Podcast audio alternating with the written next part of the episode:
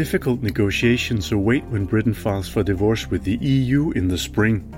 The EU leadership has made it clear that whatever the outcome, there will be no easy solutions for the UK. While Brexit may be the most painful blow, the entire EU is currently witnessing a renationalisation of policymaking, which questions the future of the European project. But in the wake of Brexit, Europe seems to be pulling together, and the renationalisation trend could in fact bridge the critical gap between technocracy and Eurosceptic populations.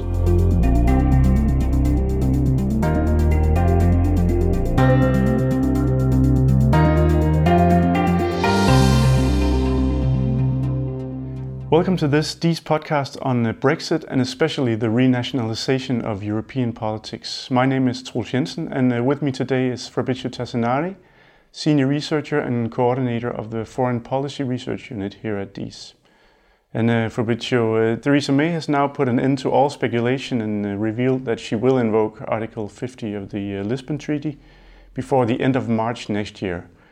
Uh, the article that gives the UK and the EU two years to uh, negotiate a withdrawal.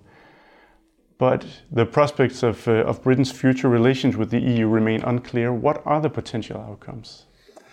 Uh, I mean, the past couple of uh, months um, since since the vote, the debate has revolved around two options, which seemed rather um, caricatures in this in the sense that in reality we will probably land somewhere in between. But there seems to be a case for a soft Brexit and one for a hard Brexit. The soft Brexit position uh, somehow assumes that that that the British economy is somewhat uh, vulnerable and and and therefore uh, Britain will need uh, continued access to the EU uh, um, uh, to, to, membership indeed to in the EU uh, internal market for its goods, for its manufacturing, for its finances, and for its um, for its banking. Uh, but that, of course, would require also a continued uh, British membership or participation in the so called four freedoms of the EU capital, goods, services, and people. And that is something that is uh, unpalatable for most of those that voted uh, for Brexit. And therefore, the other options were of the so called hard Brexit will mean that Britain will somehow be able to prosper with an ad hoc uh, deal with the EU or perhaps a series of deals with the EU, particularly when it comes to, to trade and that would be a model much more closely resembling what the EU has been doing with another of its uh, external partners recently, Canada. So then it would be somewhere between a position like the Norwegian position that the EU has, that, that Norway has with the EU, and the Canadian one. And um, that's where we that's where we seem to be. Norwegian or Canadian, two very, at least it sounds two very different models. Uh, do these two models reflect uh, the view of the EU leadership as well? Well, I mean, the EU leadership in recent weeks has been very um, unaccommodating to British uh, requests for whatever sweet uh, deal. And um, just a couple of days ago in uh, in Paris, uh, Jean-Claude Juncker has uh, said that the UK cannot expect to be with one foot inside the EU and one foot um, outside, because the one foot that is inside will create too much trouble uh, for those uh, who are full members. So he says we need to be very clear, which would seem to point to a hard Brexit position. Um, of course, British negotiators don't seem very pleased with that, that that is a starting position, but there is some maneuvering so to position themselves uh, before. Uh, but, but why is the EU leadership in favor of a hard Brexit? Well, I mean, they are in favor of not creating a precedent. They are in favor of somehow stemming any possibility of a so called domino effect. Now, we know that this has not materialized, at least in the way uh, opinion polls uh, are, are pointed at in most European countries. But of course, um, uncertainty is what has, over the past couple of years, uh, somehow driven EU policymaking, and, and EU leaders have every interest in stopping uncertainty. But of course, there would be some very severe implications for the UK if they secede completely from, from the Union and only keep trade ties uh, just in comparison to Canada, for instance. Yeah. But but uh, but wouldn't it also have some implications for the EU, for the remaining seven, uh, 27 countries? Yeah, I mean, look, the, uh, this is of course a situation which is entirely speculative, so it's difficult to to to um, adduce very uh, profound explanation. What can be said is that at the level of perception, of course uh, the EU will try to position itself in a way that the um, that the union as such is a much more cohesive body than it probably is in reality. We know that there are several members, Denmark included, that have opt-outs. So the idea that the EU doesn't want one foot in and one foot out, um, we know that in reality it exists already. Uh, Denmark has already one quarter of a foot outside. Exactly, exactly. Uh, so I think uh, this is at this stage at least, it's more at the level of symbolism and, and what we are trying to project. Um, and, and, of course, there is a dire need in Brussels and Berlin and Paris to show that there is a basic cohesion around key European values and policies. And this is perhaps more at that level than of, on, on, on in the reality. Yeah. Brexit is maybe the most dramatic of, example of what you call the renationalization of, uh, of European politics. Uh, what do you mean by this? Well, look, I think over the past couple of years, and indeed um, perhaps since the financial crisis onwards to the refugee crisis, we have seen a trend towards policymaking essentially being um, decided in the national capital and then European institutions somewhat presented with the fait accompli. This has been most obviously in relation to border controls, uh, for example. And that is not a new trend, it's probably not a definite trend, but it is something that somehow is, has changed the perception in the public debate and somehow um, has heightened the, the, the, the idea or the sense that the, the, the integration process is somewhat unraveling. Can you give some examples uh, before Brexit uh, of when member states have brought politics back to their national capitals? Well, of course, you can see uh, a number of uh, decisions uh, during the financial crisis that were eventually Europeanized. So that actually is the example where anything coming, and that is a more customary, more, more, more traditional example where national positions become Europeanized. In, the, in relation to the 2015 refugee crisis, you have seen decisions that essentially have uh, presented EU institutions with the reality without uh, if not prior, prior consultation, at least prior coordination. So, for example, the uh, decisions to, uh, to close border is something that then the European Commission has been in a position to rubber stamp afterwards as representing the uh, situation of extreme emergency and justifying that decision. But of course, that is something that is primarily decided at the level of national politics. How would you describe uh, the effect on European cooperation um, that uh, member states uh, take decisions nationally, for instance?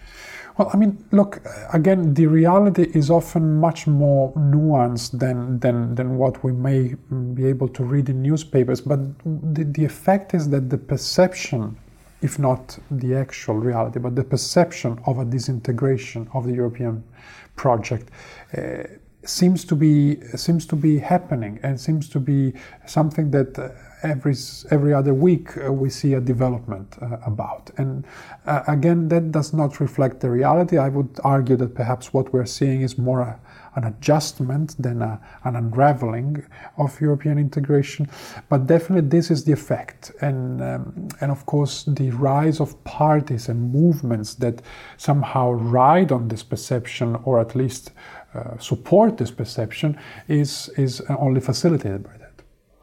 But the nature of these crises, you would say, for the EU is security primarily, right? Yeah. Uh, the influx of refugees, uh, the situation in Ukraine.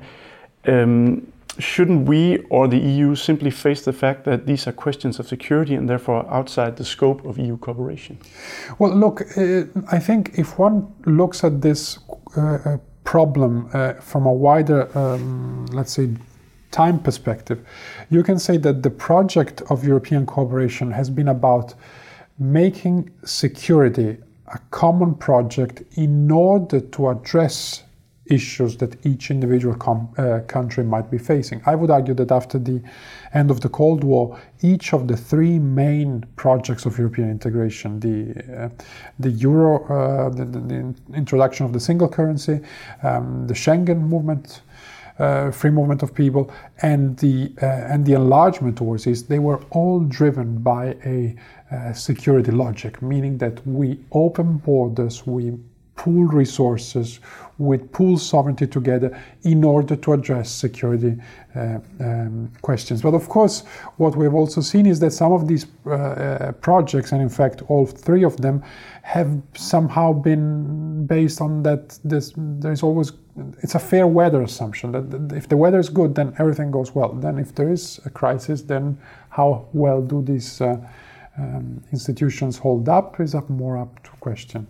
So, just to sum up, why is this happening right now, this renationalization of European politics? Well, I mean, you could say that in these uh, situation of the past couple of years where this, the institutions put in place have been under severe stress and under severe pressure, we are essentially questioning their uh, basis. We are questioning their assumption, their working uh, assumption, and we are realizing that perhaps their um, uh, their working assumption is not the one that uh, best suits the the condition, or at least that's what some gov- that's the conclusion that some government governments are reaching. Yeah. Uh, at a seminar uh, last week on the subject, uh, in which you moderated, it was suggested that we also face a Europeanization of national politics, mm. that more legislation than ever before is in the hands of the EU. Mm.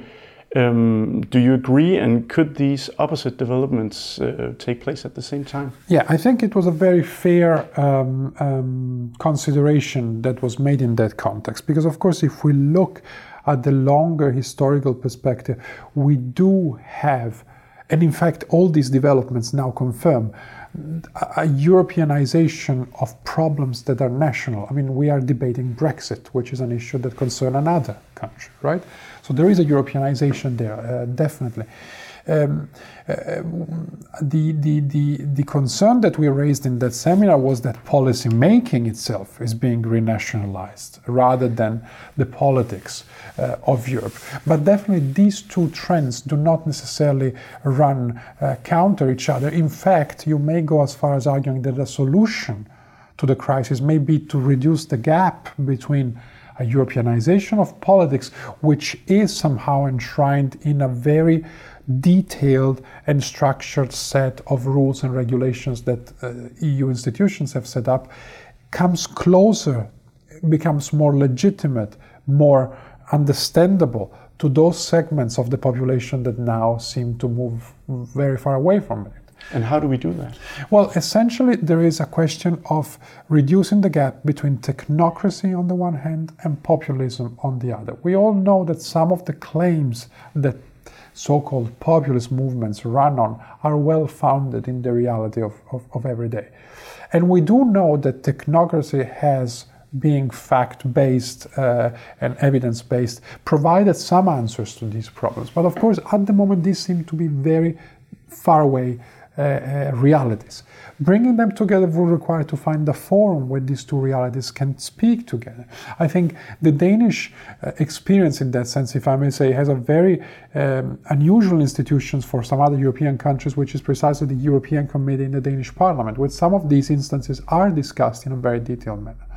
Uh, other, other countries, most other countries, uh, these two worlds remain a bit detached. So a bit more scrutiny of, uh, of European le legislation inside the, the national parliaments. That would, would that would perhaps facilitate that, the, then European legislation is more legitimate in the eyes of, of, of, of uh, policymakers and the public.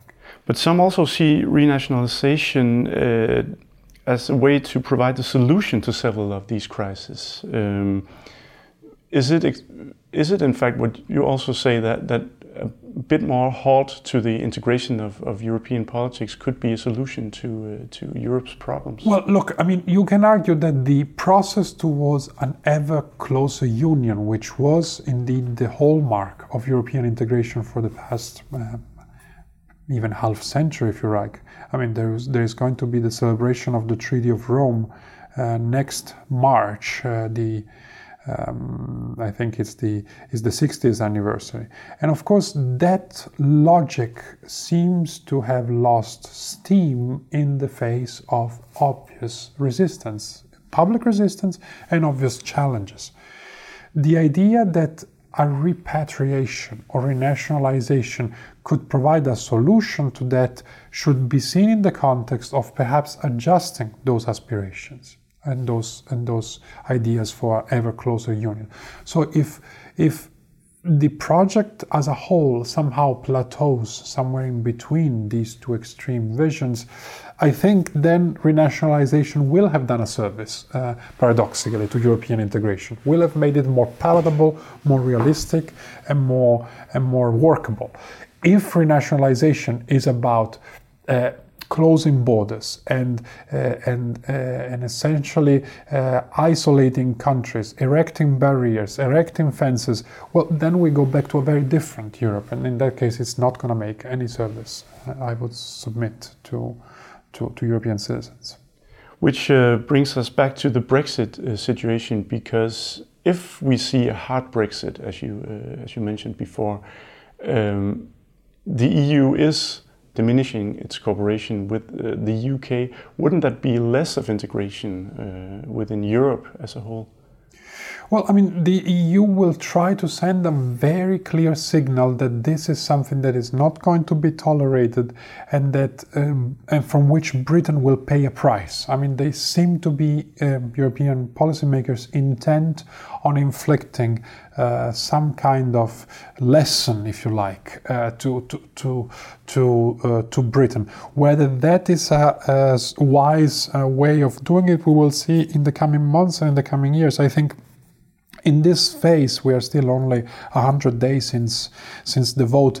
There is a lot of positioning and maneuvering. I don't think these positions reflect uh, actual uh, realities. But definitely, if the reality will look like the words we are hearing now, um, there will be much less to be gained uh, from, from for both sides. Yeah?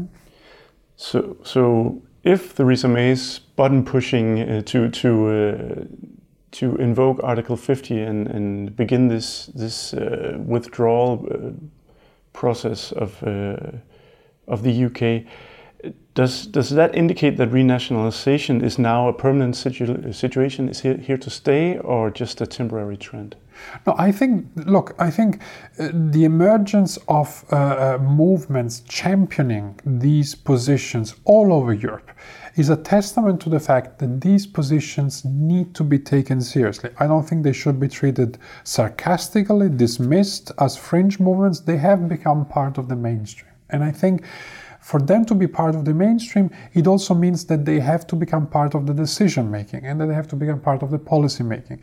If we reach drastic situations such as the one that preceded the Brexit vote, um, then of course, then of course, renationalization does not do a service, and and, and it's hard to imagine um, how it is a service that for the next two years Britain will have to be absorbed by these negotiations, and perhaps a lot of the EU machinery will be absorbed by this. So it's hard to see a service in that. But if they are mm, channeled into a mainstream political debate where somehow then uh, it has effects on the policy making, I think it can end up being, uh, it can end up being, um, uh, if not beneficial, at least a wake up call. Um, at the seminar last week, uh, which you moderated, the Danish uh, Permanent Secretary of State, which is the top civil servant of, uh, of the Foreign Ministry in Denmark, he strongly emphasized to all international representatives uh, present that there are no plans here in Denmark for uh, resigning our membership of, of the EU, um, which could seem a, a, bit odd to to uh, to Danish people or people living in Denmark. Why was that was that necessary? Well, I mean, I think we have experienced this also here at DIIS uh, many uh, requests uh, from outside, uh, from other European countries, uh, seem to assume that, that Denmark was next in line. And of course, we know here that that is not the case. But again, this this somehow is connected to the to the Juncker remark I made before. This idea of being one foot in and one foot out. Uh, of course, uh, of course, uh, if that somehow leads to a very shaky loyalty or allegiance to, to the European project, there will be something else.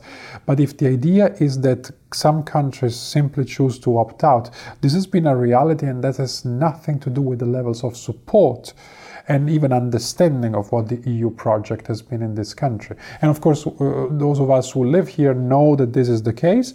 Perhaps there is a wish and a need to reiterate that point for an outside an outside uh, uh, audience. So maybe that's a common misunderstanding that uh, opt-outs and skepticism is not the same as people wanting to secede from the EU or yeah.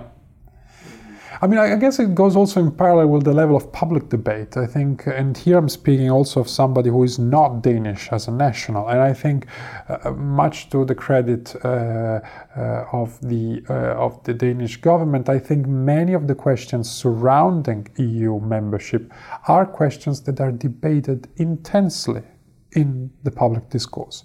And that is not often the case in other member states where either they have been somehow um, uh, accepted as a fact of life simply because uh, they were imposed by technocratic decision. Look at the uh, look at the um, Stability Pact, for example, uh, for um, uh, for some of the Southern European member states um, or they are simply up for grabs because people simply assume that uh, everything is questionable. Um, in Denmark, I suppose the debate is much more sober on these points, and the benefit is that there is no doubt about the membership of, of Denmark in the EU, regardless of what outside uh, uh, observers might might think. Fabrizio Tassinari, thanks so much for joining me in this uh, podcast. We'll be back soon with another episode. Some of them are in English, so make uh, sure you subscribe to our podcast feed on iTunes or via diis.dk. Thank you so much. Thank you.